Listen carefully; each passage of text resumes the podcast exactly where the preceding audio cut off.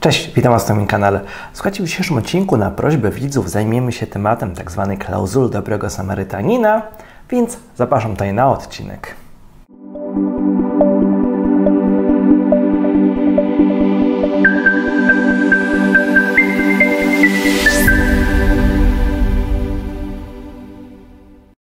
Proszę Państwa, tak jak powiedziałem, klauzula dobrego Samarytanina. Co prawda już to opowiadaliśmy w jednym z poprzednich odcinków, tutaj jak analizowaliśmy projekt tej ustawy z dnia 28 października 2020 roku o zmianie niektórych ustaw w związku z przeciwdziałaniem sytuacjom kryzysowym związanym z wystąpieniem COVID-19 i omawialiśmy właśnie wśród tych wszystkich zmian właśnie między innymi tą, właśnie tą klauzulę dobrego Samarytanina. Natomiast konkretnie w tym odcinku skupimy się właśnie konkretnie na podstawie tej klauzuli. Tutaj generalnie też słowem wyjaśnienia, tutaj nie ma żadnej dodatkowej odpowiedzialności karnych, jeżeli chodzi o lekarzy, czy powiedzmy też o inne tutaj podmioty lecznicze, stricte w znaczeniu właśnie tutaj błędów medycznych, jeżeli chodzi o konkretne błędy medyczne. Tutaj stosujemy ogólne przepisy z kodeksu karnego, chociażby artykuł 155 kodeksu karnego, artykuł 156 paragraf 2 kodeksu karnego, artykuł 157 paragraf 3 kodeksu karnego lub artykuł 160 paragraf 3 kodeksu karnego. No i no proszę Państwa, i zgodnie z artykułem 24 tej ustawy z dnia 28 października nie popełnia przestępstwa, o którym jest mowa właśnie w artykule 155, artykule 156 paragraf 2, artykule 157 paragraf 3 lub artykule 160 paragraf 3 ustawy z dnia 6 czerwca 1997 kodeks karny kto w okresie ogłoszenia stanu zagrożenia epidemiologicznego lub stanu epidemii, udzielając świadczeń zdrowotnych na podstawie ustawy z dnia 5 grudnia 1996 roku o zawodach lekarza i lekarza dentysty, ustawy z dnia 20 lipca 1950 roku o zawodzie Fletchera, co prawda nadal, nadal jest taki zawód jak Fletcher.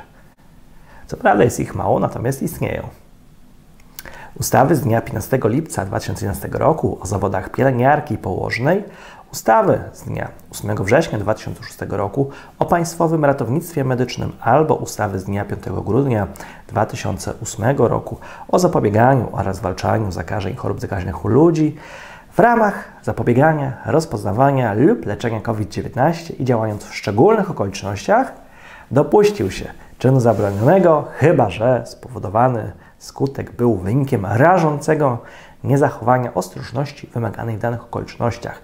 I to jest tak zwana klauzula dobrego Samarytanina.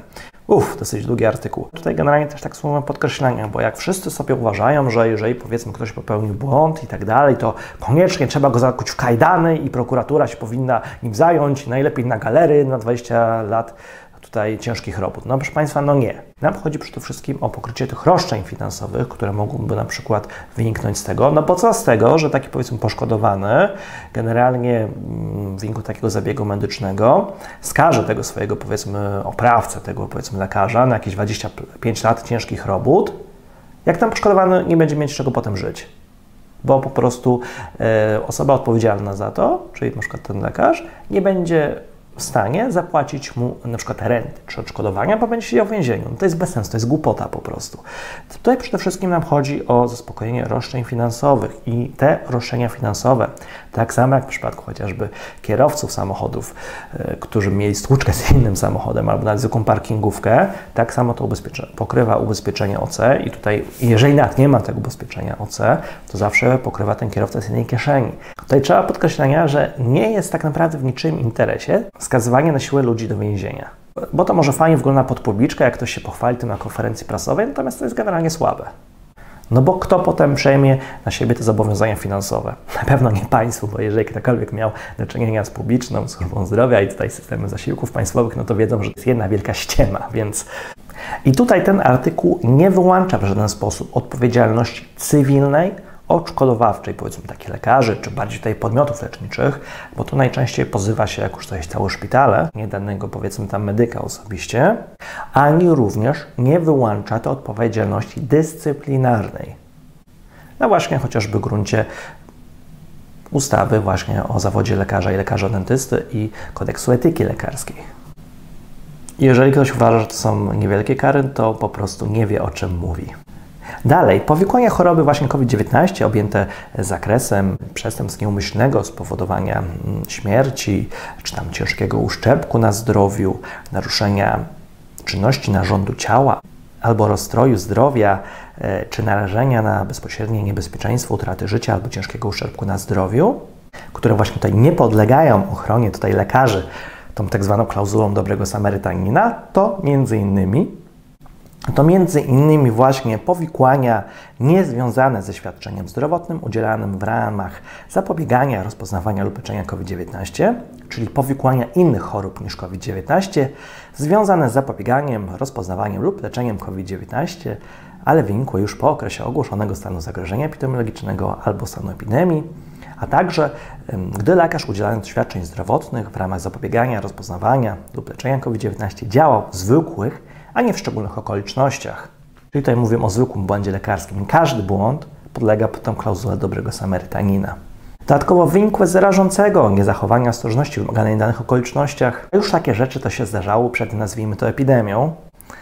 Objęte zakazem innych czynów zabronionych niż przestępstwa z kodeksu karnego, właśnie wymienione w artykule 24 tej ustawy. Czyli tutaj mówimy o przestępstwach popełnionych umyślnie. Czyli na przykład w celu zapobiegania bądź leczenia COVID-19 na przykład taki lekarz nie może bronić się klauzulą dobrego Samarytanina, jeżeli na przykład zabił osobę zarażoną, żeby, żeby dalej ona nie roznosiła tego COVID-a. Tutaj też podkreślenia wymaga, że to klauzula właśnie w wyżej zakresie dotyczy jedynie lekarzy, którzy są bezpośrednio zaangażowani w walkę z COVID-19. Czyli tutaj nie każdego lekarza.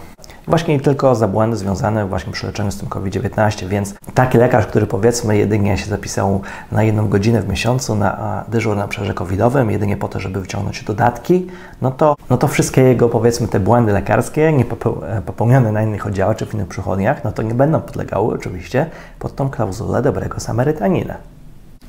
Ponadto tutaj mamy e, zwrot działając w szczególnych okolicznościach. Tutaj mówimy o nadzwyczajnych okolicznościach szczególnych, czyli to nie jest, czyli to nie będzie każda tutaj powiedzmy okoliczność, każdy błąd tutaj medyczny.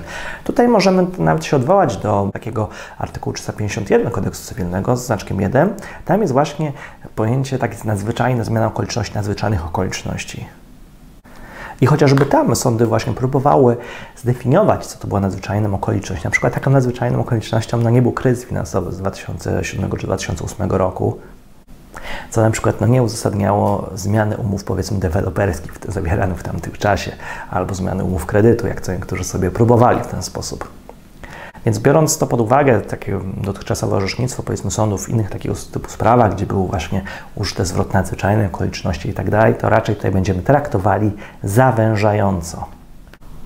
No i też przy okazji, na zakończenie, gdyby trafił się jakiś debil, który w związku z omawianiem przeze mnie dobrego Samarytanina chciałby tutaj wnieść jakieś zawiadomienie, tutaj pouczam o treści artykułu 234 kodeksu karnego, zgodnie z którym kto przed organem powołanym do ścigania lub orzekania w sprawach o przestępstwo, w tym przestępstwo skarbowe, wykroczenie, wykroczenie skarbowe lub przewinienie dyscyplinarnie, fałszywie oskarża inną osobę o popełnienie tych czynów zabronionych lub przewinienia dyscyplinarnego, polega grzywnie, karze ograniczenia wolności albo pozbawienia wolności do lat dwóch.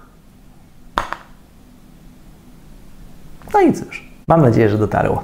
No i proszę Państwa, i tyle w tym temacie, a ja tymczasem pozdrawiam.